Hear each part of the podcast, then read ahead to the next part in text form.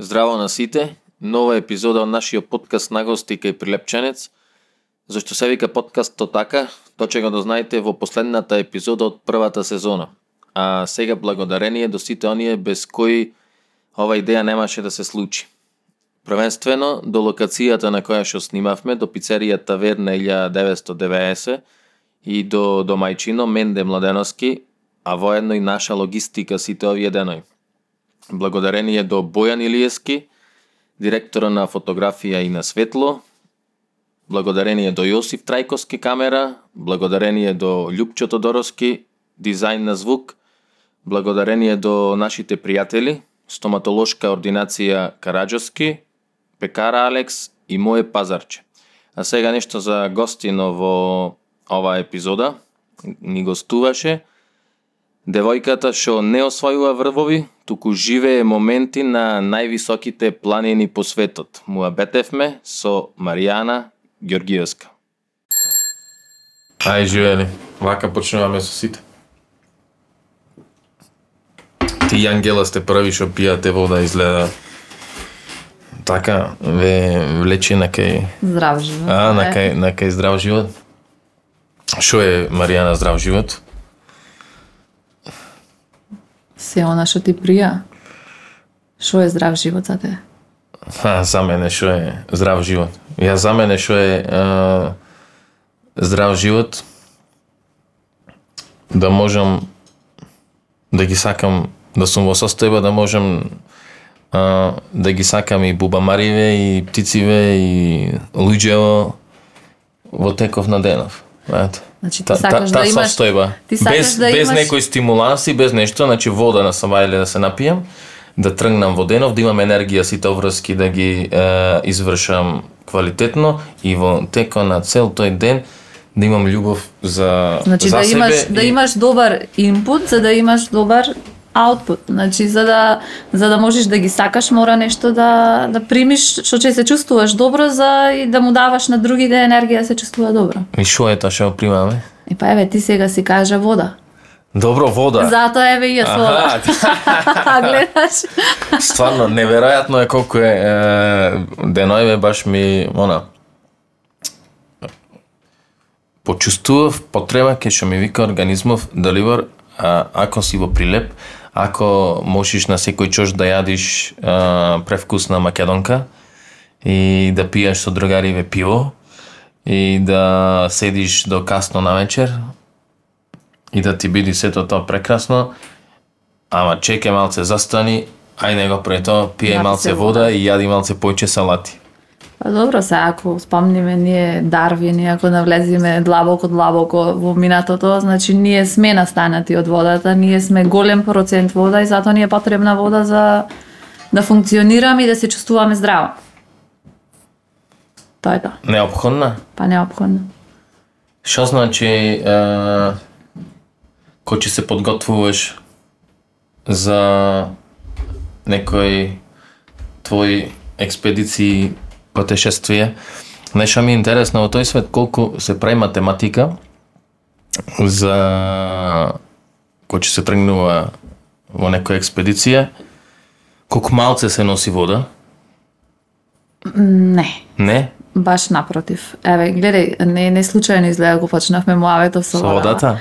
Значи, пред да тргнам некаде, да одлетам за да одам некаде за да качувам, веќе организмот го научувам на пове, поголема количина на вода. Во принцип, јас заборавам да пијам вода заради работни обврски и сето тоа. Секогаш на биро на работа си имам шише со вода, дури и некогаш ако не го испијам во теко на дено, пред да се заминам од работа, застанувам, го пијам, пошто знам дека ќе заборам. Е, затоа кога ќе одам на планина, а, определен период пијам поголема количина на вода, а веќе кога си а, на планина, правиме моабет за висока планина. За било каде ти треба вода, али пра- моабетов сега е за високите планини.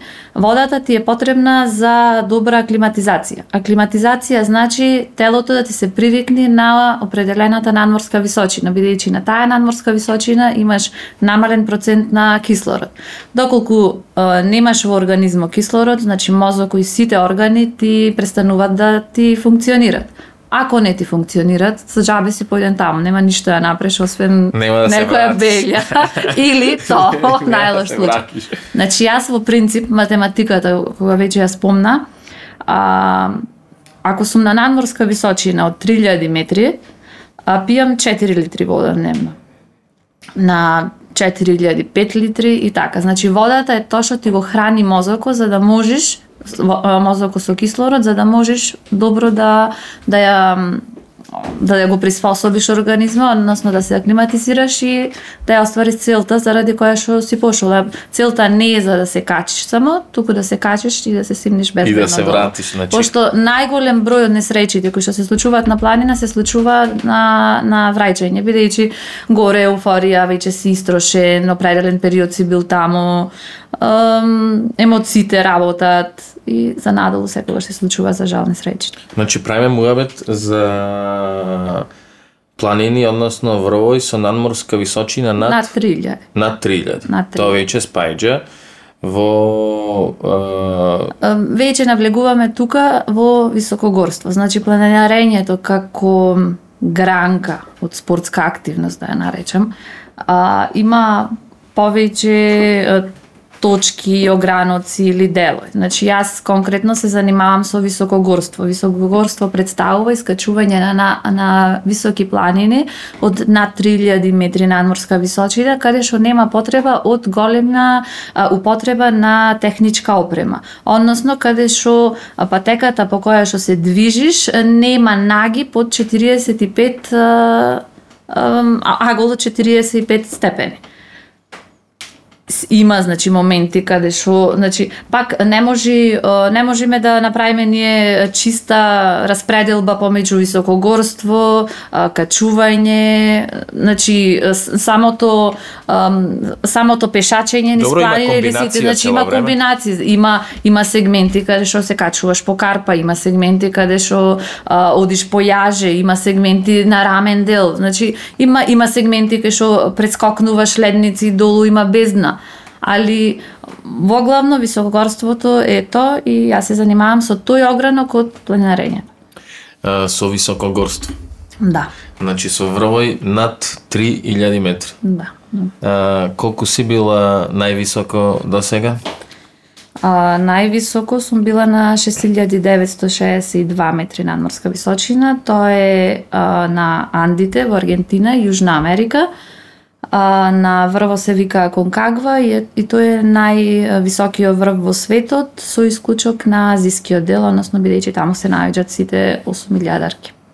Ај уште еднаш височина? 6962, значи 38 метри помалку од 7000. Го памтиш, иначе пред почетоков на разговоров ми рече дали го немој се многу со со Да, да. со бројки. Не сум, не сум баш добра со бројки, бидејќи работам со со многу луѓе, со различни имиња, со различни податоци кои што мора да ги памтам и тој дел од мозоков ја малце Така, тоа е западен. поќе резервиран за професионалното, за ама не, и плюс, Да. значи сум била на многу места каде што на вистина е тешко да се запамтат сите висини, сите сите точни бројки, а не би сакала да сгрешам.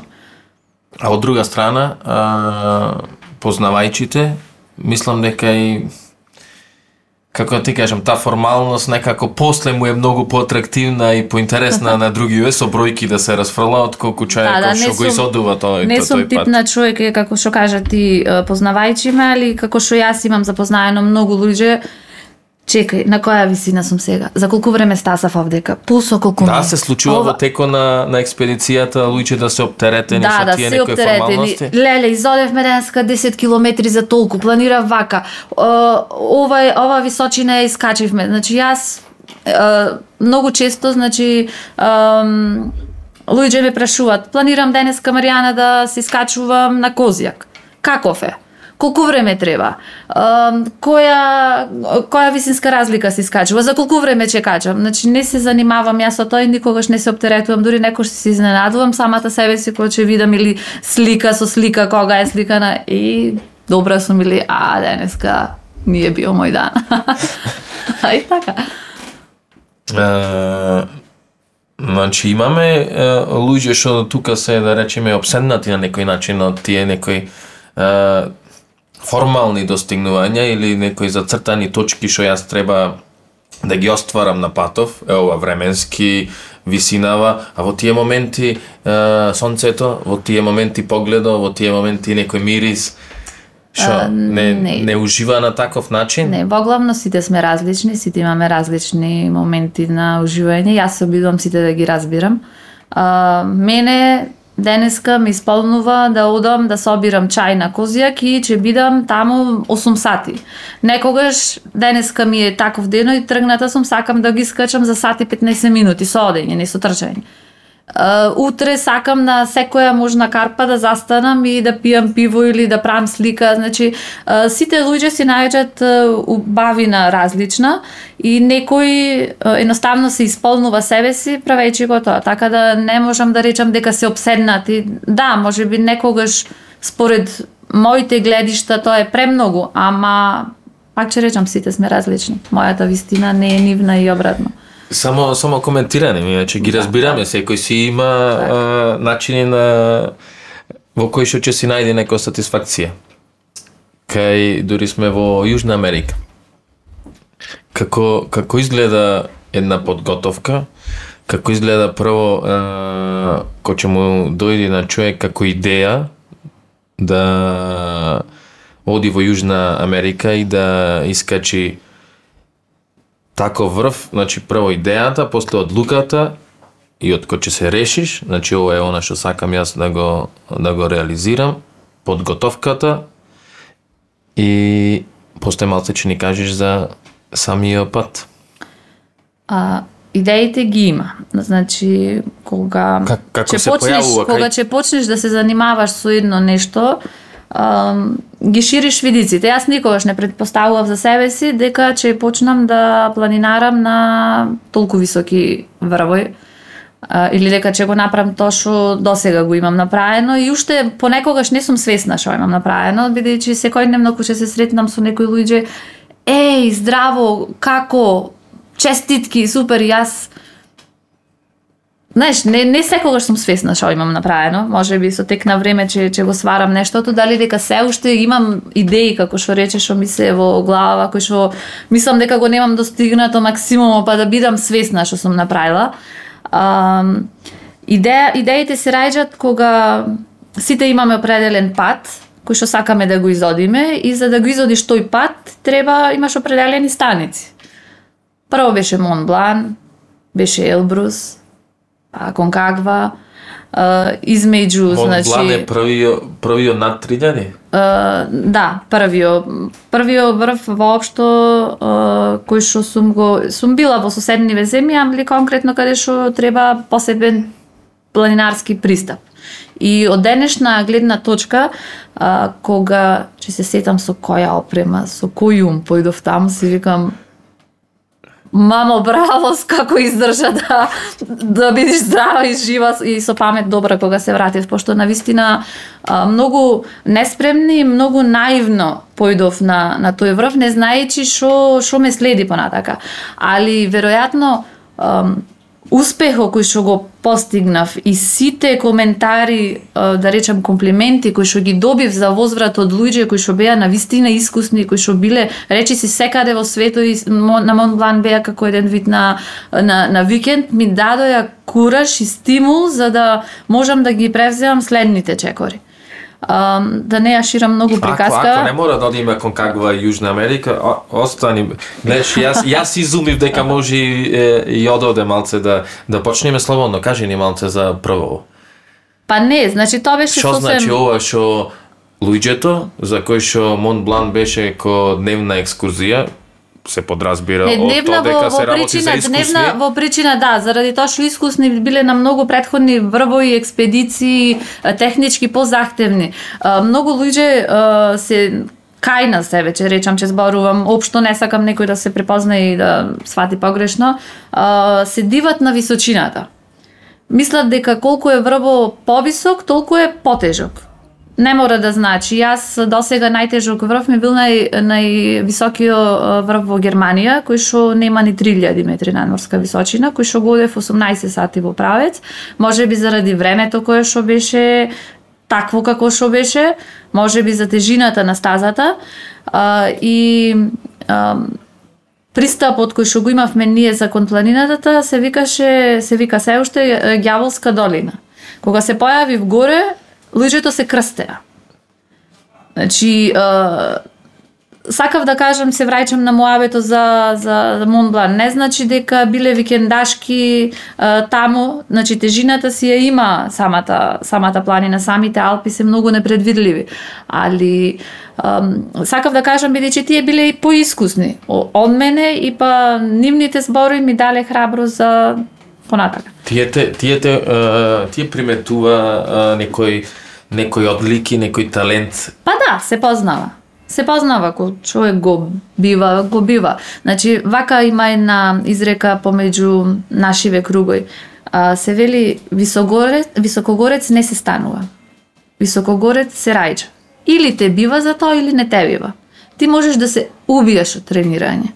Да се убиеш од качување, од такви мерења за колку време, како, шо, али кога ќе се качиш таму, кој ќе осетиш висината, кој ќе го осетиш недостиго на на кислород, кој ќе го осетиш недостиго на удобности кои што горе долу сме навикнати на овдешното живење, е тогаш сваќаш дали те бива или не те бива, затоа што сум видела луѓе кои што се навистина спремни, физички спремни. Ама на асфалт овде.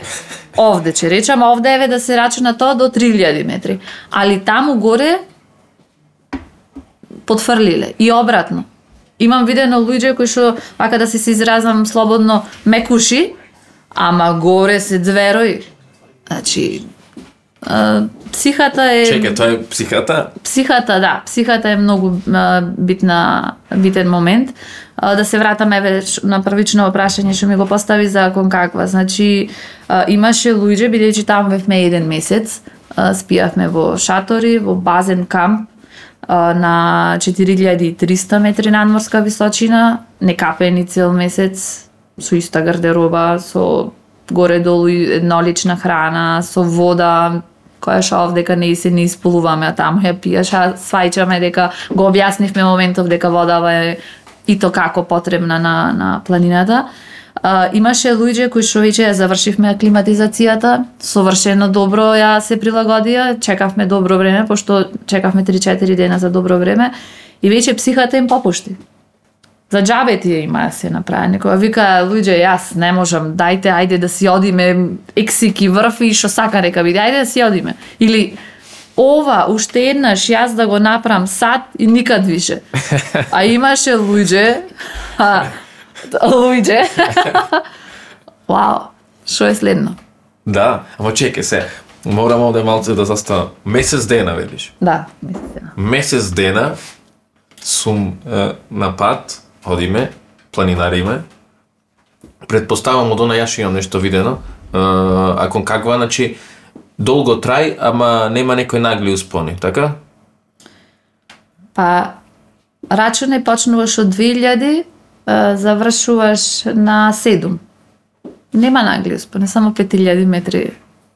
Треба да, Релација. да Треба да качиш. искачиш, да. И се то, е, таа експедиција трај Месец ден. месец дена. Да. Че ти месец дена си на планина, Живееш месец дена немаш а, удобен кревет, а, немаш да си пуштиш музика, да си порачаш а, пица. Имаш? Имаш? Ако имаш пари. Н, а, она што јас си се почестив себе си ко се симнав од Аконкагва е Да, да, се почестив, немој да се смееш, значи ова е злобно. А, обожавам компири, обожавам помфрит. Е едно нолкаво вака тајнирче со помфрит на 4300 35 долари. Можеш да се почестиш, затоа да реков имаш и пица. Значи има на патов. Има, значи, а, тој базен камп е втор по големина во светот, после онај а, за а, Еверест во Непал. А, тука ја имаш највисоката а, највисоката ликовна галерија. А, типов го заборев а, што е сликаров, што е таму, значи влезена е во Гинис. А, тоа е буквално мало градче. М, многу посебна енергија, исто како што има трекинг трекинг тури до до Непал до базниот камп, има и трекинг тури до базниот камп на Конкагва, бидејќи кога ќе појдеш таму, кога ќе осетиш енергијата која што има, мислам тоа е нешто посебно. Посебно за мене, посебно за сите ние што што сни биле. На вистина е го гледаш врво пред тебе, гледаш околината, планини, исто како на Хималаите, кој ќе си на предпоставувам како што имам јас гледано на базен камп, ги гледаш сите 8000 Ам, убаво е да се посети и да се види не е толку ништо мачно. Пак ќе речам, може до психата. О, о- ова беше Али пак се враќаме на моабето што го спомна за водата. А, велиш што е за тебе здраво. Е сега ајде да се вратиме и да коментираме што е што е удобен кревет. Така, значи не мора да значи дека ако спиеш во шатор и во и во вреќа нема да ти биде удобно. Ако срцето ти е полно со други работи. Можеш да бидеш во хотел со пет звездички па да не ти е удобно, ако имаш некоја мака. Така да Да, да, во смисло дека многу луѓе се идентификува со таа удобност и за нив а, квалитетов на живот се изедначува со таа удобност и сега ако јас таа удобност ја изгубам формално, значи Така, го да. губам квалитетов на живот и сега под тој притисок некој ти тогаш имаш некој некој содржини што ти се појавува во менталниот простор, дали ова ми требаше, дали ова, и заедно со тоа че дојди кај бев, шубо ми беше и гледаме сега кај сум свиткан овде ден искапен. Е, така, во таа смисла удобноста ја губиш иначе дека може да ти биде совршено е, под некое дрво, под некое каменче и некој мушички да си скока куц камен да си игра по тебе, да ти биде се таман, апсолутно. Да, али тоа е малце и релативно. Али во главно сите кои што ни се нафатиле да тргнеме на такво нешто, горе долу сме спремни и знаеме што не очекува. Али сепак не знаеме како ние ќе реагираме на тоа. Бидејќи едно е да издржуваш ден, два, три недела, друго е месец дена. Месец дена. Да, да. А, секој ден во просек колку пешачење? А, пешачење онолку колку што е потребно за да а, го прилагодиш добро делото, да не се измориш, да не лежиш цел ден и да, да правиш нешто и да бидеш чекор до, до самиот врв. Значи, тие месец дена се работи на аклиматизација. Како што кажав, аклиматизација е приспособување на е, организмо на таа височина. Секој ден се качуваш и е, е, Друго правило на успешното искачување на високи планини е оди високо, спијај ниско. Значи се качуваш до определена височина, седиш таму пола сат, сат, два, зависи временските услови, зависи ред други работи и се стимнуваш да спиеш ниско. Другиот ден одиш повисоко од тоа кај што си бил предходниот ден и се симнуваш пак да спиеш ниско. Третиот ден пак одиш повисоко, се симнуваш да да спиеш онаму кај што првиот ден ти било високо. И цело време тоа го работиш, значи се качуваш, се симнуваш, се качуваш, се симнуваш. А, и кога веќе го достигнуваш тој лимит на искачување на високо и веќе кога твојот организам не се бори, не се бори во смисла немаш халуцинации, не не ти се врти Халуцинација и тоа се случува? Да, да. Значи, кога човек на почетна фаза а, фатен од а, висока болест е исто како да гледаш пијан човек. Така се движи. Значи, осумки, не знае кај, не- има изгубено време, простор, а, не знае што зборува. Веќе а, на наредна фаза е кога има тежини во дишење, а, може да има крварење од нос, крварење од уво, а, има а, а, па после а, наредни потешки фази се хипотермија и Си таа имала таа. прилика да бидиш во близина на човек што се соочува со вакви проблеми? Да, да, да, сум била и тој на првиот првиот пат на Мон Блан кога бевме, значи во моментот кога се влеговме во едно скривалиште, сега е веќе подобро, тоа се вика валот. Имаше човек замрзнат, тогаш идеа да го спасуват хеликоптери. А, сум видела, на Илбрус сум видела многу луѓе кај што кај што се симнуваат а, со висинска болест, па дури и мислам дека на момент јас а, добив мала висинска болест кога се симнував од а, Килиманџаро. А, во суштина Килиманџаро е а, горе како високо рамнина. Значи можеш да одиш околу 3-4 километри, надморска височина е се 200 метри. И како што кажав, сите неубе работи на планина се случуваат на симнување. Значи на полека тие 3-4 километри ги одев може пола сат, а на враќање ги вратив за 5 минути. И туку најнаш се осета во градите дека имам некоја тежина, дека нешто ме гуши, си кам, оп, че ги застанем. Значи, одма пиеш вода, малце шеќер, се стабилизираш, се гледаш кај си, што си, и продолжуваш полека. Значи, чекор по чекор и така се каже, овој се симнува висока планина. Паниката не напаѓа? Во тие моменти? Па не треба да дозволиш да напаѓа, тоа сигурно, сигурно напаѓа. Не треба да дозволиш, мислам, ако дозволиш паниката да завлади со тебе во на, на место каде што колку и да сака некој не може да ти помогне, бидејќи тоа е борба сам за себе. Не може, може некој да ти дај совет, да ти дај вода или чоколаду или ако има вишок јакна, мада што никој не носи вишок јакна да ти поземе, али не може никој да те симни. Од планина. Можеш сам. Се се правиш сам. Значи, ова се е, на, и, и моменти на буквално поривање во себе внатре. Да, тоа се моменти за мене а, кај што се наоѓам себе си, пошто во ова секојдневно живење многу често се губиме себе си, задоволувајќи ги потребите на другите, задоволувајќи ги а, наметнатите а, работи кои што мислиш дека ти се потребни тебе, таму сваќаш дека ништо не ти е потребно, потребно ти е да си здрав и жив, ти, фамилијата да ти е здрава и жива и дека се друго е сосема непотребно и минорно во однос на овие две работи. Значи здравје, мир и љубов, мислам дека тоа е тоа што ти треба во живот. Значи, таму успеваш да се, да се подсетиш на ова овде што забораваш. Не, тоа е тоа причината поради која што сме тука, заради што постоиме, тоа е исконското, според мене.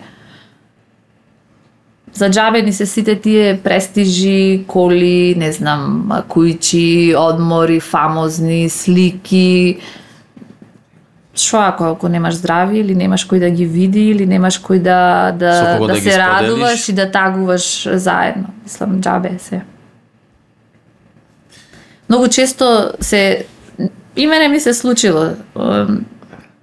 Вечерва седиме јас и ти, пијаме пиво и вода и почнуваме да се расправаме за нешто било што. А обично кога ќе седиме јас и ти навечер двајцата пијаме пиво, ама Доста. а, и се, се расправаме. Така јас заминувам и сум ти лута. И заминувам понедела дена негде и сваќам дека зашто му бев лута на Далибор? Зашто се скаравме? Дали тоа на вистина ни требаше? Не, не ти треба. Сите сме само посетители на овој свет.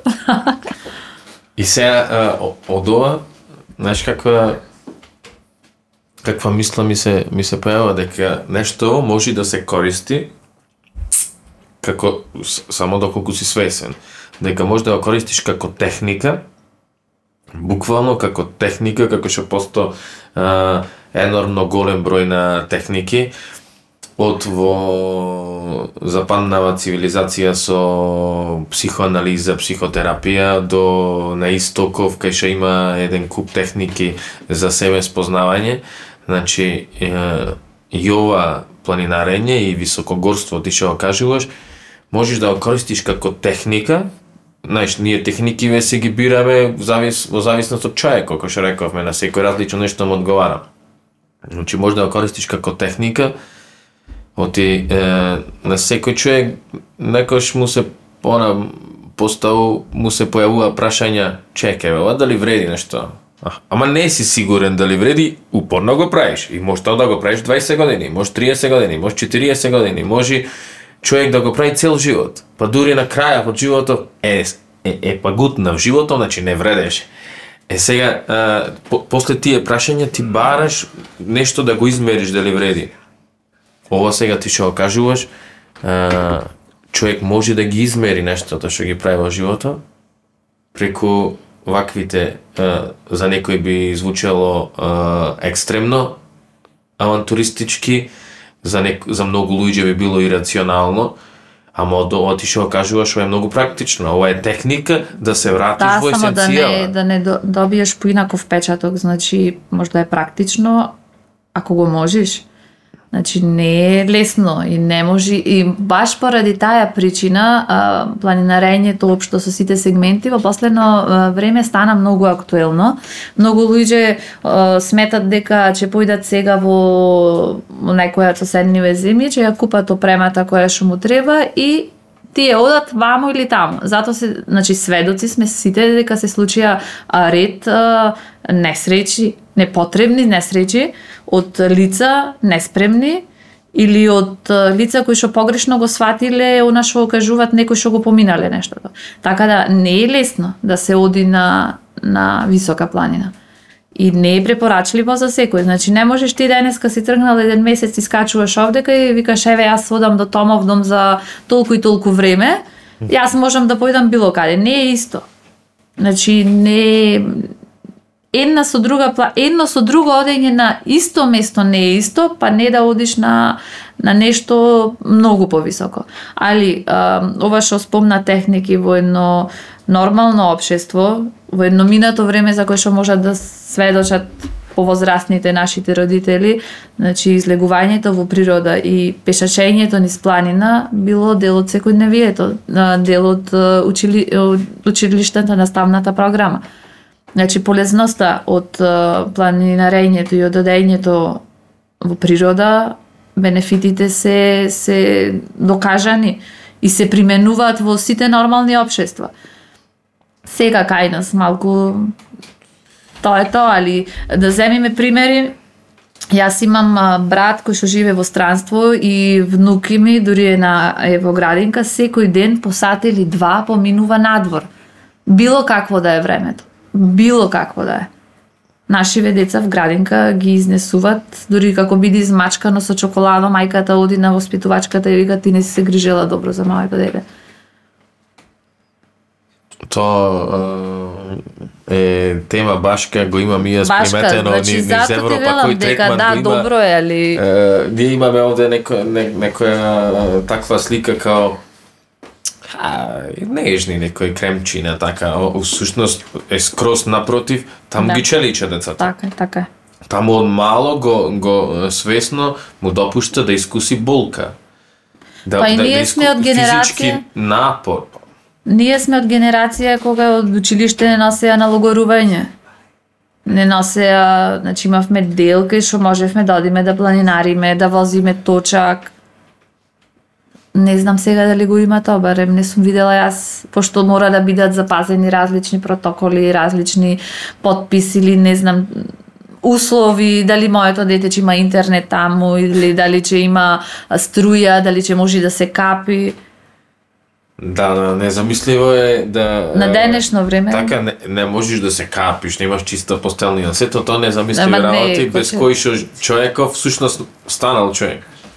Е, колку ти реков како техника не за секого, туку како техника што на некој му одговараете на, на а, тип на луѓе како што си ти што тука пре, препознале некој повик, како техника она да дојдеш до до вистинские вредности. што ни треба техники во животот за да дојдеме до вистинские вредности. Што е вистинска вредност? Некојаш си е, сполу, сполуен, како што би рекле овде е, некој од Нашинци, нашиве е, па кај бабиве го има тоа некој збор, то баш овој збор често може да го слушнеш. Ти не знаеш што е вистинска вредност. Знаеш, имаш е, секојаш потенцијални кандидати, ова е вистинска вредност, ама ти не си сигурен. Ама на вакви места кои ќе дојдеш, што на некој начин те ќе те примора да бидеш во одредена психофизичка состојба. Тебе е, местово те приморува да бидеш во одредена психофизичка состојба. А та психофизичка состојба кристално јасно ќе ти издвои што е неважно и што е основа, што е есенција. Точно така. Значи секој а, мора да си го најди местото кое што ќе му биде негов а, издувен вентил од каде што ќе се празни од сето она негативно кое го абсорбира и ќе се полни наново со позитивна енергија за да може да да функционира нормално во едно вакво општество во кое што ние живееме. Али за секој тој издувен канал е различен и мора секој да се труди да си го најди бидејќи само така би можел да функционира на денешница. Не значи дека е само планинарењето или само спортот, значи има различни луѓе кои што уживат некој во музика, некој во пишување, некој во читање, значи ам, јас сум се пронашла себе си таму. И драго ми е. Е, тоа е она е, прашање со дефинитивен одговор. Јас сум се пронашла себе си таму. А многу често луѓе ме дефинира или ме препознава како Маријана планинарка. А, ни на, на да, зидо да, нели го правевме тој муавет. И баш неодамна имав покана за едно интервју и навистина не бев баш а, заинтересирана за интервју и викам, ма добро, на која тема сакаш да разговараме? И вика, сакам да разговараме како ја поврзуваш твојата работа со планинарењето. А, добра тема. Прифатив за интервјуто, на вистина добро интервју беше. А, не сум само планинарка, значи тоа е сегмент. Јас сум девојка од Прилеп, а, социјален работник, возам точак, се дружам, сакам музика, сакам кино, сакам театар, сакам многу работи. Така да не може човек да се исповетува само со едно нешто, туку е склоп од нешта кои што а, доведуваат тие нешта меѓусебно да се надополнуваат и да се издигнуваат на едно повисоко ниво. Да, ма тоа се случува во внатрешноста на твоето битие. Ти, ти, ти го имаш е, мониторингов врз тоа, ама јавноста или вака по, по широкиот круг на, круг на луѓе, нив што ги што ќе ги прилечи, она што е најекстремно, мислам на театар ода сите, е, сите. О, луѓето што сака култура, е него театарот може да појди. А, точек и да немам, ќе земам од комшија, дај денеска сортам еден круг. Е, дружење, сите, кафана, сите, ама ова, ова Да, е добро се издвојува. екстремно звучи и не, не е, верувам дека за најголем број од луѓето Еве и за моја е, интелигенција и животно искуство неам толку вака не, не ми е далекосежна е, животнава мудрост и спознавање да, да, да, да дофрлам таму што се случува на такви места. Е, пошто ние ги, ги, ги ставаме во една реченица, а всушност траа месец дена. Така? Да, да, тоа се тоа се доживува, не може не може да се прераскажи. Е, Исто ти е пак еве во неколку наврати го спомнав Козија. Кајде да одиме Далибор на Козија Кубо, е овде ќе се умориш, овде не, ама ако ќе се качиш таму е онма поинаков филинго. Значи, да, во право си, не, не се доловува со една реченица, а може би пајджа во очи заради тоа што рече екстремно, не секојдневно, не секојдневно за твоите круго или за круговите на нашите Маријана, не блиски. секојдневно ретко. Оти само за нашите општо, значи и самата знаеш дека на тие експедиции нема илјадници луѓе. Има Особено не жени. така особено не жени. И тоа е Да. тема башка. Тоа е башка тема. да. Приказка сама да се... Колку има жени? Процентуално вака Не има, застапеност. не има. Значи ти Недоволно. Не има. ти си ти си имав- таму обкружена имав со период- супер згодни ма- мажи и ти само Имав период каде што ми беше проблем кога веќе се врати во Прилеп и почнав почесто да одам а, на планина. И имав проблем, ајде да одиме на, пла- на планина, ајде, а некој женско че има? Абе да, знаеш, може, веќе го надминав тој момент да има женско, знам, нема да Нема. има женско. значи знам, али се покажале моменти каде што е добро да нема уште девојчина. Пошто да биле појче девојчина, овие машкиве што се околу нас не можеле не, не би можеле да не одбранат многу многу. Морам јас, значи, со, со жениве ме интересира сега моментов. Психологија во женска. Е, што викаш, ги нема. Ги нема на овие ваквите експедиции. е, малце по по екстремни во високогорство. Чекај, чекај, 21 век се уште нема наука, правец измислен за проучување на а, женска психологија и ти мене ме тераш јас да ти ја Не, не, не, не, не, не, не, не те терам туку. Не те терам туку, јас верувам дека таму, е, добро, ова се малце може и неозбилно од моја страна, а, ама е и радозналост некоја, пошто ако себе си лично се ставам во ситуација кај што сум обкружен во природа, природа нешто совршено за мене и уште да сум обкружен со едно 20 е, совршено згодни е, женски е, суштества, значи тоа е стварно окей друштво за било каде. па, и, па и за освојување, односно ти не милуваш така да Да, кажеш. не ја освојувам, искачувам. Така, искачување на планински врвови. Шала на страна. Сепак, што викаш за стапеноста на на машкиот род е да речам Значително поголема. Значително поголема.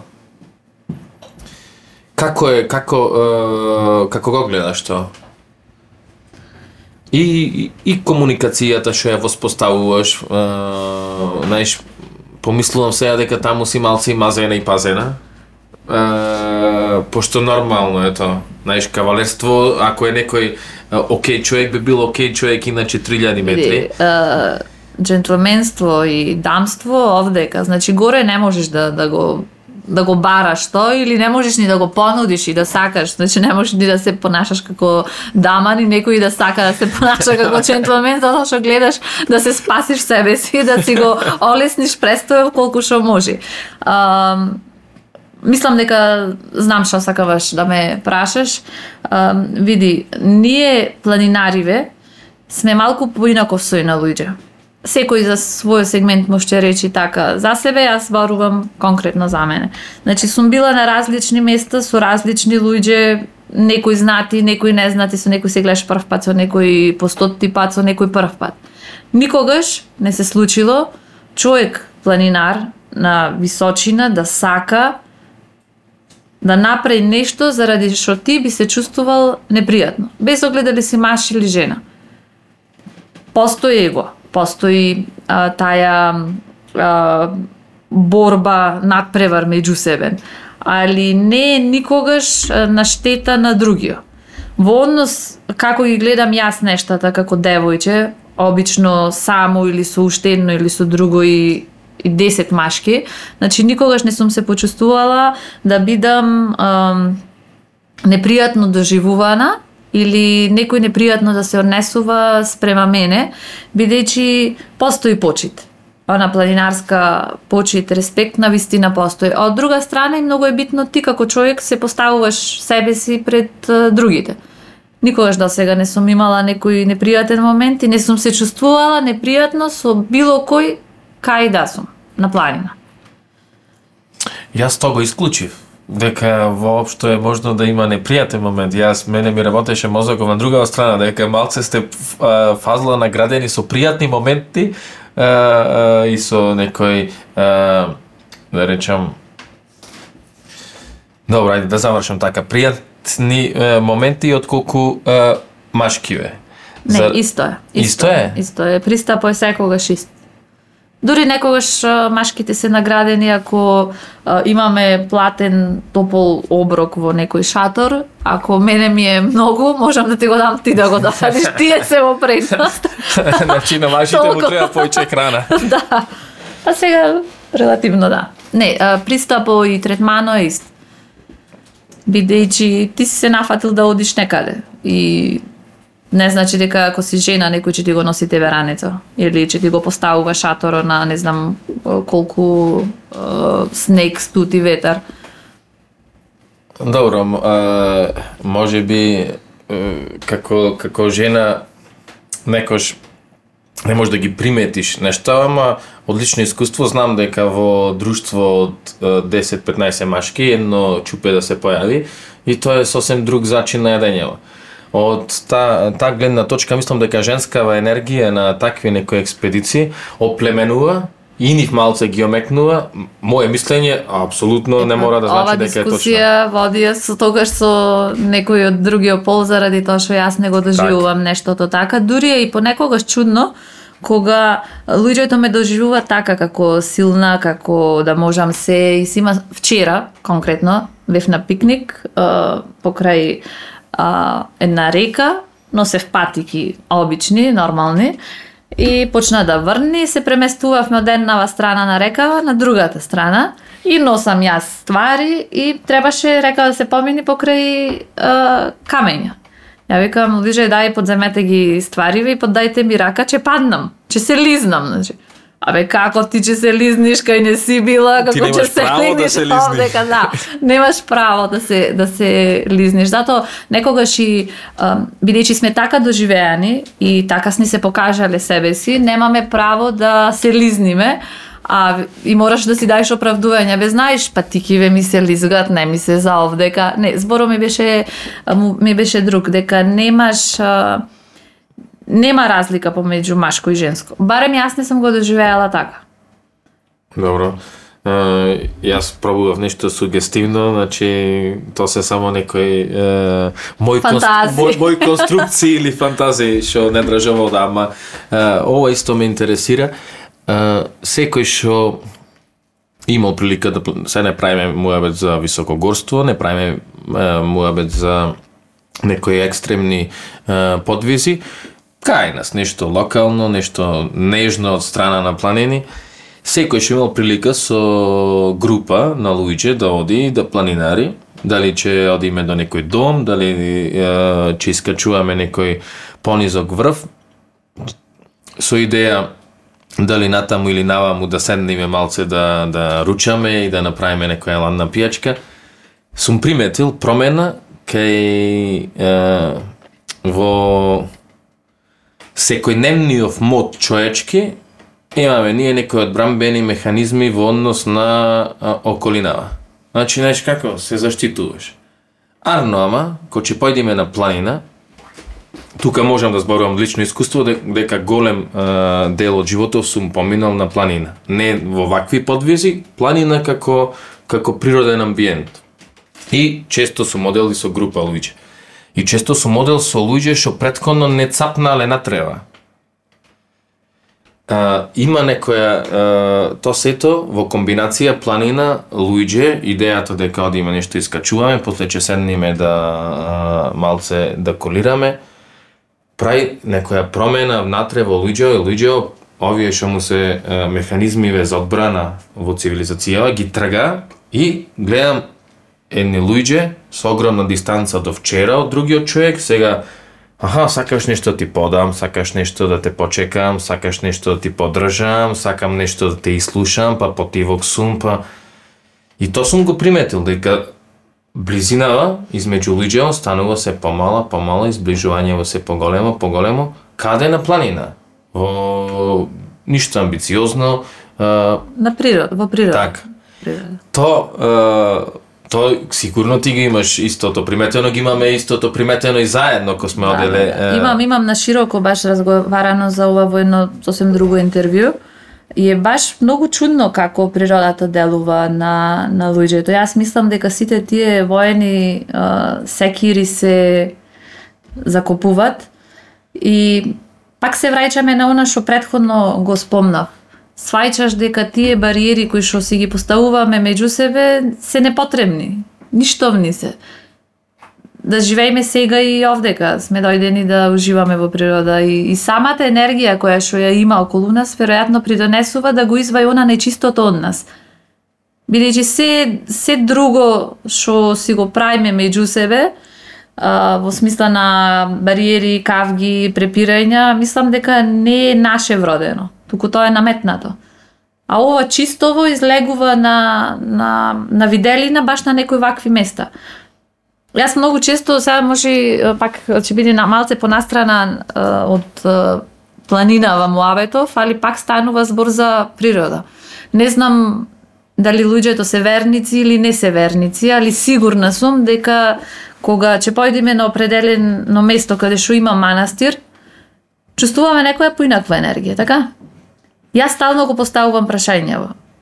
Дали ја чувствуваме таа енергија заради тоа што а, има манастир тука, па има нешто божествено, или а, ја чувствуваме таа енергија бидејќи во главно манастирите секош се градени на некои прекрасни локации. Или пак двете се во некоја синтеза, па затоа ја чувствуваме таа енергија, така че го одговориме ова едно, сигурно исти одговор ќе важи и за ова другово. Е, Не ти е чудно? Па, Ја немаш осетено таа Како не, енергија? имам и осетено, само значи сум го сум го воочил, сум го регистрирал, неам неам познавања да дам се некој дефинитивен одговор на што сум размислувал често, ти сум го приметил. Е, добро што спомна и со манастирите. Манастирите се често изградени во таков амбиент. Значи тие се на некој начин бегство од цивилизацијава за луѓето што сака својата, пошто ние нашава животна енергија, е, кај ние вниманието, таму ја насочуваме. Ако има некој доволно концентрација, да ја насочи е, за не знам, изработка на катана, ќе биде мајстор за катани. Така, ако некој е, сликар или било што, ја насочува таму животна енергија и тој тука е, успева да постигне мајсторство. Ма исто така таа животна енергија може да ја насочиш и во себе, односно во она што се нарекува духовен свет и таму да постигнуваш исто некои достигнувања. Односно спознавање на некоја вистина, некој увид. И за тоа е потребно што? Природа и мир. Манастиро е место кај што нема да те врни, не е ништо мистично. Значи тоа е практично направен. Да не поминуваат трговци, ако поминуваат трговци, тие носа пари и роба, ако се носат пари и роба, тогаш се носа што? Интереси, ако се носа интереси, се носа конфликти и тука имаме секакви, сега за да не сме на такво место, одиме негде кај што е мир, да видиме што има во нас. И така е манастирот настана, тоа е нешто практично. Ама секогаш е е, секогаш. Најчесто е во таков некој е, локација, амбиент. така е. Ама сум го приметил ова истото што го што го кажуваш како некои луѓе Тоа ми е интересно, лично што ги познавам, што знам дека во градов му смета мува сега во просторијава и нема да може да продолжи со разговоров, толку е ха, неуротичен не може толку човеков, така, да. значи и сега може да правиме прекрасен некој мувет, ама ако има една мува, има да стани, да ја убија и да се врати и да продолжи. Ваму кој ќе појдеме, како група, ни муви му смета, ништо не му смета, ни Валканово му смета, се паннало ножево, иначе ако сме во ресторан, има да, да, да викни по келнерон и да му рече, ела ваму се. Сега гледај ти што ми донесе, се дај ми таму нова вилушка. Не, Па ваму тоа е нема, тоа, само ќе го крени од земја, Дај че си продолжи. Тоа е то чистотата на, на природата, предпоставувам. Сигурна сум. Сум размислувал, неам ти викам е, одговор, само сум го приметил и ова е само причина плюс што јас приватно секош е, некако совет, некош дури на- наклепки ќе му, ќе му совесам, кој ќе ми кажува некој другар или другарка, ништо немој да правиш. Оди малце, еден ден, два, оди малце, така исколирај негде кај што нема ништо, кај што има само дрва, кај што е сето зелено, оди и после врати се, па кажи ми дали ти било подобро. Тоа е, е нешто што делува, само не знам е, дали е секој свесен. Тука е проблема, што луѓето некош не се свесни дека ти делува леков. Знаеш, пиеш леки. Па не, оне што пробал, знај. Сигурна сум. И тука е апело не, за ај тука малце да да видиме сега оне што пробал. Што мислиш за тоа? Овде во градов имаше ете така и неколку друштва планинарски. Како ти се чини тоа, преска малата само тоа го допре, го начна дека се попопуларно станува. Кај е тука потенцијало, кај се тука шансите, како, как, како го гледаш тоа е примери за младиве генерации? Што рече може е, како програма во училиштево со децава, добро, не мора и само со децава средношколци, помладиве, нашиве генерации. Тука како го гледаш е, нешто во шансата, пошто имаме прекрасни терени, прекрасни планини, прекрасни места, Твое мислење за тоа? Стратегија, некоја идеи, како не си само тоа, размислувала? имаме и прекрасни деца, значи конкретно за Прилеп че зборувам, Прилеп има многу убави и талентирани деца во различни сегменти на општественово живење кои што дават страшни резултати. Проблем е што а, сите тие деца, мислам деца го земам зборов како како личност, а, сами мака мачат за да се покажат себе си, да си го најдат местото под а, сонцето и да кажат да го покажат сето она што го зна. Жално е што само малкумина од нив се а, финансиски поддржани, бидејќи финансите се многу битни за да може да се развиват е, нивните способности и е, и тие деца покажале резултати. Али жално е што голем број деца се останати така и мора секојдневно да се занимаваат со борбата за обстанок, односно со наоѓањето на основни средства за екзистенција и за живот, а останатото слободно време да го посветат развивајќи ги определените способности во поглед на спорт, култура, музика, театар, било што. Ако почне да се има еден посериозен пристап кон а, надоградување и развивање на талентирани деца, а уште еднаш ќе повторам такви кај нас ги има многу, мислам дека многу е, експонираноста на, на, на различните сегменти ќе биде поголема, а на тој начин заинтересираноста на локални субјекти, фирми, е, државни институции е, ќе биде по, на поинаков начин ќе ги доживуваат ќе ги финансират и тоа ќе дава еден стимул понатака за оние останатите кои што не се занимават со некаков спорт или хоби да почнат да се занимаваат, а овие кои што веќе имаат определени способности да работат на себе си понатака за да постигнуваат резултати. Добро би било доколку се врати во училиштата, она што ние го имавме, го учевме како спорт и спортски активности, логорување, планинарење, одевме на пинг-понг, си правевме некои училишни турнири, сами меѓу себе си се дружевме. Од друга страна, знам дека нашите родители многу често оделе на работнички акции, кои што работнички акции не само имат определен а, обшествен бенефит, туку а, придонесува и кон дружба, и кон запознавање на природата, и кон издигнување на, на тие локалитети во, во природата. На тој начин се создадени еден куп а, а, локалитети низ, низ цела држава, кои што за жал денеска не се одржуваат.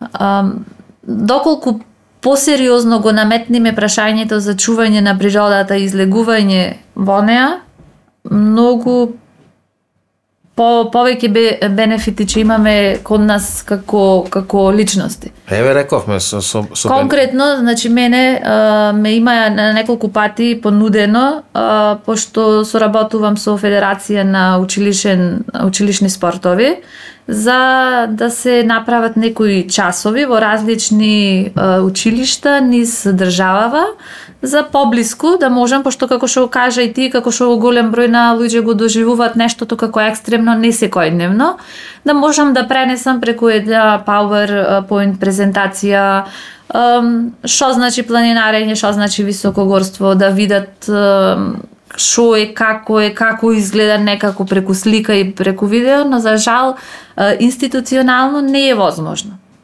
Значи, зато велам, треба да има некој поинаков пристап, прво институционален. Во, во, во која смисла мислиш дека институционално не е возможно? Па влегуваш Министерства за образование, па сега ковид мерки, Аха, па мислиш процедурата, директен... формалноста, бирократија, формалностите, се формалностите не убиват понекогаш за да можеме да ја покажеме полезноста од било што. Значи не зборувам само за планинарење, туку зборувам општо. Е, за за планинарење конкретно во во градов, барем предходни е, години, имам приметено дека постои владеј усвари. Е, и огромен интерес. Да. Е, огромен интерес, ама како, како да нема некоја е, стратегија, како се тоа да се насочи и како се тоа да се развива. Една идеја само сега што ми помина, јас така велам низ менталниот простор, така си ја доживувам внатрешноста, низ мен, и секој че ми се паја нешто, тоа ми е во менталниот простор. Ко правевме муевет как е, на каков начин на каков позитивен начин влија и планинава и природава врз луѓето, Че рековме ги менува на подобро. И се, човеков ако денеска подобро се однесувал, сигурно тоа ќе му остани 2-3 дена, 4, па некош може и за на, до краја на живото, некое искуство. И се во некоја фирма или во државна институција ти да му организираш а, планинарење. Верувам дека на сите следнава недела на работа, ако појда во сабота на планинарење, значи следнава недела на, а, на работа ќе му биде многу порелаксирана, многу по а, поуспешна и а, на, на крај крајава ќе бара следнава сабота, па Да, да, само многу е тешко човек да се кандиса за да го првиот пат е на вистина тешко. После тоа е а, на- станува а, завис, значи зависен си од таа енергија. Имав преговори многу често со еден директор од една фирма, не сакам да именувам, и викаше ајде да направиме тим билдинг на планина. И- му беше многу голем кеф на на планина, тоа е да, тоа. е за Козјак многу сакаше да го искачат и до ден денеска еве останати сме на на договор со со отворен датум. Не можеме да ги натераме вработените да одлучат таја недела дека ќе бидат слободни, дека ќе одат на планина. Се согласувам со тебе дека еднаш да го направат нешто, дека после тоа ќе сакат почесто да го да го повторуваат. А во однос на она претходно што ме праша, а, значи да, планинарењето има голем замав, Прилеп има многу голем потенцијал за, за планинарење, има блиски планини, мислам во близина имаме планини и места каде што можеме да одиме, од една страна, од друга страна има луѓе кои што се заинтересирани за тоа. Краток период јас се занимавав со тоа, значи со водење на луѓе на планина, а, може би две години некаде, и во тие две години во Прилеп се направи еден бум, не во Прилеп, во Македонија. Значи, со, е, направив еден посериозен пристап кој што си ги даде со ефектите врз планинарењето. Немаше викенд да не одиме некаде и не само викенд туку и се дружевме и онака и на кафе, на излегување. А, се соединивме ние меѓу себе како луѓе, љубители во во планината и после тоа си најдовме различни точки и спојки кои што се вмреживме уште повеќе. Но денес постоењето на било каква организација или дружба или здружение или било како да ја наречам таа форма е многу тешко бидејќи а, парата, егото, престижите се навлезени толку длабоко што било која организација да се издигне на еден левел ап од страна тие влијанијата ќе бидат многу многу негативни и е многу тешко на денешницава да се обстои. Бидејќи ам, енергијата која што ја даваш, а ти кој ќе правиш нешто не преш секогаш да ти биде вратено, ама горе долу да имаш некоја полезност и да ти биде убо на да душата. леснотија, да, да ти биде убо на душата е потребно, а денеска тоа го немаш. И си викаш па иксик на краја зашто јас вложувам квалитетен дел од моево време за нешто кое што не се чувствувам добро на крајот дено заради тоа што да работиш со луѓе е нешто најтешко. Значи што- тешко е она, Тешко секој се секој се сведува на ова, че се наше друштво, со уште некое друштво, со уште некои контакти што си ги имаме, ќе му кажеме дека одиме негде кој што ни се случува Да. и така правиме група од некој. Дали тоа да биде неформално. Така. Мислам и во последно време така практикувам заради тоа што е многу по посмирено, а кога ги организираш луѓето, луѓето имаат определени очекувања од тебе кои што не секогаш можеш да ги задоволиш. Не, и ти си човечко битие, некогаш ти се случува да да не си на она висина на која што потребна да да си за да можеш да водиш луѓе. Али убо е чувството сепак да му покажеш на луѓе места кои што не ги видели, кои што ќе напред да му биде убо, али е тешко. Мислам, тешко е. да. А е, на многу луѓе треба што се од овие простори да му покажеш какви места има. Прво, прво тоа, верувам дека, не верувам, 100% знам дека овде луѓе што живеат на овие простори не се свесни какви, какви места имаме во близина. Па и јас уште се уште не сум свесна, Така, секој ден откривам, се- затоа што на вистина имаме многу места, али жално е што воопшто не се зачувани и би сакала и понатака тие места да бидат неоткријани, бидејќи кога ќе се откријат и ќе се промовират, се уништуваат. Значи, кога ќе се направи пат до определено место или некаквов локалитет да се издигне, одма местото се запустува и ја, ја губи таа аура која што си ја носи во себе. А, добро за нашиве, а со луѓето што си имала прилика да се и да се сретниш и да се запознаеш и да помениш ете со некој месец дена заедно што иде од различни страни е, од светов што исто така се е, не само љубители туку се во планинарство нешто сигурно си разговарала како е, да, да ти остани да те замисли или да ти користи некои искуства од луѓе што си ги запознала од светов како што се случува е, на местата од кај што тие доаѓа со е, на овие теми. Во главно секаде на Балканов е ситуацијата иста. Значи џубре фрламе кај што ќе стасаме. А, последно бев сега а, Турција, ги скачува Фарарат и тоа е една планина полна со џубре. Ама Значи, толку валка на план, зашто дури и кај нас го нема тоа многу Многу отпад на нашиве, на нашиве планини. А колку одиш нагоре, значи на кај е, Германија, Франција, Италија, значи планините му се многу чисти. Конкретно за Аргентина, значи тоа е е, е, национален парк во кој што покрај тоа што не смеш да фрлаш џубре, со себе си ги носиш е, си го носиш својот отпад личен, значи фекали, не оставаш ништо таму на планината. Значи во, во светот си ги ценат си ги ценат планините, си ја ценат природата и наоѓаат начин како да ја промовираат и како да заработат да од незе. Конкретно во Африка, во Танзанија луѓето живеат благодарение на туризмот кој што го развиват во насока на искачување на на Килиманџаро посета на, на Килиманджаро. Кај нас уште свеста и совеста за чување на природата е на страшно ниско ниво. е, на страш на страшно е, ниско ниво. То ниво сепак е, како че се подобри од од моментот кај што прв пат ќе почувствуваш лично, кај што ќе имаш лично искуство од бенефитов на природава, од е,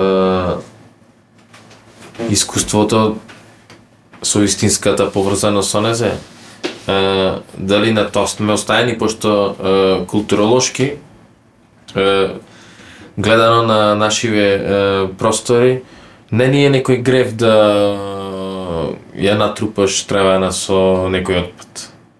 Значи, културолошки и од деца вака, се сеќам на екскурзија негде, чадиме чодиме веќе кај, дури сме кај темава за, за отпадов и за планинија. Не знам, од, од самиве наставници не беше не беше санкционирано тоа што се сме расфрлале. Добро, и се неколку генерации така, што тоа создава една толеранција врз нешто и што се случува ако ќе создадеш толеранција врз нешто, така да ќе видам и ти кај што фрлаш, ќе се видам и себе си кај што фрлам, а ќе видам и кај што е фрлено и ќе поминам покрај него кога да ми е нормално. Значи ние а, тука како индивидуалци што можеме да направиме, само ние тоа.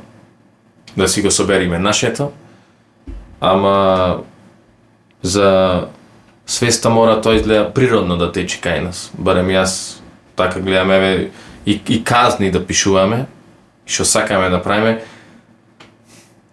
сепак ако не е природен односов со, со околинава, дека нема за последица да да има одговорно однесување.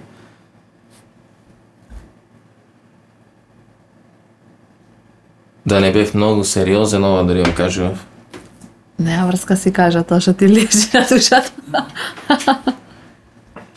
Не знам, тоа само се надоврзав на ова што го правеше Муавет како неко а, моje видување, често е тема што се Знаеш, на сите че сликаме, че она да име гледате што има Кога се кандидирам за граначалничка, ќе ти го кажам кое е моето решение. Е, па кажи го, ајде. сега, сега не, тоа морам да оставам малце, знаеш, за куче промотивниот материјал. Значи, ја немам решение, немам решение практично, само знам од кај решение, ако имам јас чувство, Ако Дека- почнеме да цапаме толку длабоко во темава, значи мислам дека уште 45 батерии ќе ни треба за да се надоврзиме. ама е, сум размислувал, веруе ми. Значи, органски, а, животно, да, да имаш Аре не се решение. тепа никако мали, зато така прават. Не, ама Зато гледај. фрла кај што ќе стаса. Кој имаш чувство дека е ова живо. Разбираш, кој имаш чувство дека сум поврзан со нешто, че сум, имам чувство дека сум поврзан со тебе, тешко ми е да те повредам. Оти се повредувам себе си. Е, Па не се поврзани ама- бе други ама- бе Далибор. Не ама се тоа сите тоа ти како не што ти реков, разбереш. тоа е некоја природна. Е сега, пошто ако чекаме природно да оди може нема да стои 1000 години, 1000 години да го миламе Па отпад ти кажав, тоа пратиме, поддржувајме, ќе ти кажам, ќе ти објаснам кога. Ајде, кажи Кога ми ќе дојде време, сега не може, знаем што ја сега ти откривам. Добро, ајде. Еј, дај вака нешто убаво барем. Ништо лошо не кажав. Ама не, ако имаш идеја како да го решиме, кажи шо. Не, немам конкретна ова идеја, сега не ме зафркавај. Добро.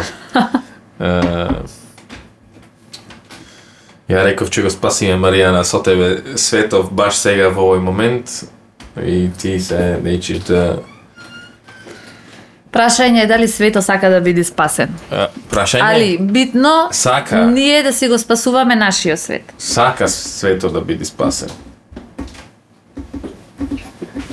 Сака светот да биде спасен. Секоја форма сака да биде спасен. И светот како форма бара, тој вика, спаси ме. Е, само да видам една секунда, пошто Љубе ни кажува дека и вторава батерија ни е прикре. е, за крај, оние најтешки прашања, пошто мислам дека се поминавме, имам три вака баш тешки. Која е Маријана? Ама немој вака она, значи како се доживува Маријана и животна филозофија. Знаеш, нешто што ја води, нешто за нешто што не можеме да го Ова за крај, за кратко да го одговорам. Овие Па, прашање па, со ми следува третото. Не, не, е, кратко. Минутите се тие. И после ќе ни кажеш Добро, третово ќе го оставам кој ќе ми завршиш со овие две. Која е Маријана? Која е Маријана со е, животна филозофија тоа. Маријана. Можеш и да сгрешиш во моментов и за 10 Се години. обидувам, се обидувам да се дефинирам, значи ова е прашање, не знам што треба можна смртна постела да ми го кажеш, тогаш ќе знам точно која сум. Сега се надевам дека сум една скромна девојка која што може би прави некои несекојдневни работи и го, ги мотивира другите да бидат најдобра верзија од себе си, кој што која што не дозволува да и наметнат туѓо мислење и не сака да наметнува ствари, но се но сака понекогаш да се обиди да, да му ги прошири видиците на другите, бидејќи а, свето не е она што ние сами мислиме дека е, туку е нешто повеќе. Свето е создаден од многу луѓе, а не е само од мене. Така да трудејќи се да му правиш на другите да да да му биде убо, тебе ќе ти биде уште поубаво. Тоа мислам дека е Маријана. Со ова ми го одговори трето прашање што, што не ти го поставив, а тоа е животно мото. Значи, Па тоа е тоа. Најди го убавото во се и, и труди се да не му го правиш на другите она што не сакаш да ти го прават тебе. Тоа е совршена формула. За сега, до сега да. Се е, се покажува тоа нешто кој ќе почне човек да го да го практикува се покажува како нешто што го осмислува животот. Знаеш, пошто е тешко да не мога преш на луѓето, она што лечиш да го прават с- тебе. Стварно, секојдневно имаш неколку искушенија. Пошто секојаш кој ќе се жалиш, всушност тоа истото негде некој се жали на тебе. И тука ни предстои не знам, може бесконечен број на лекции. Една од нив се надевам дека денеска некој ја научи од нас. А и да не ја научи од нас, може го инспириравме, За да биде подобра верзија од себе си. а и да не биди, и то не е некоја штета. Фала ти. Фала и тебе.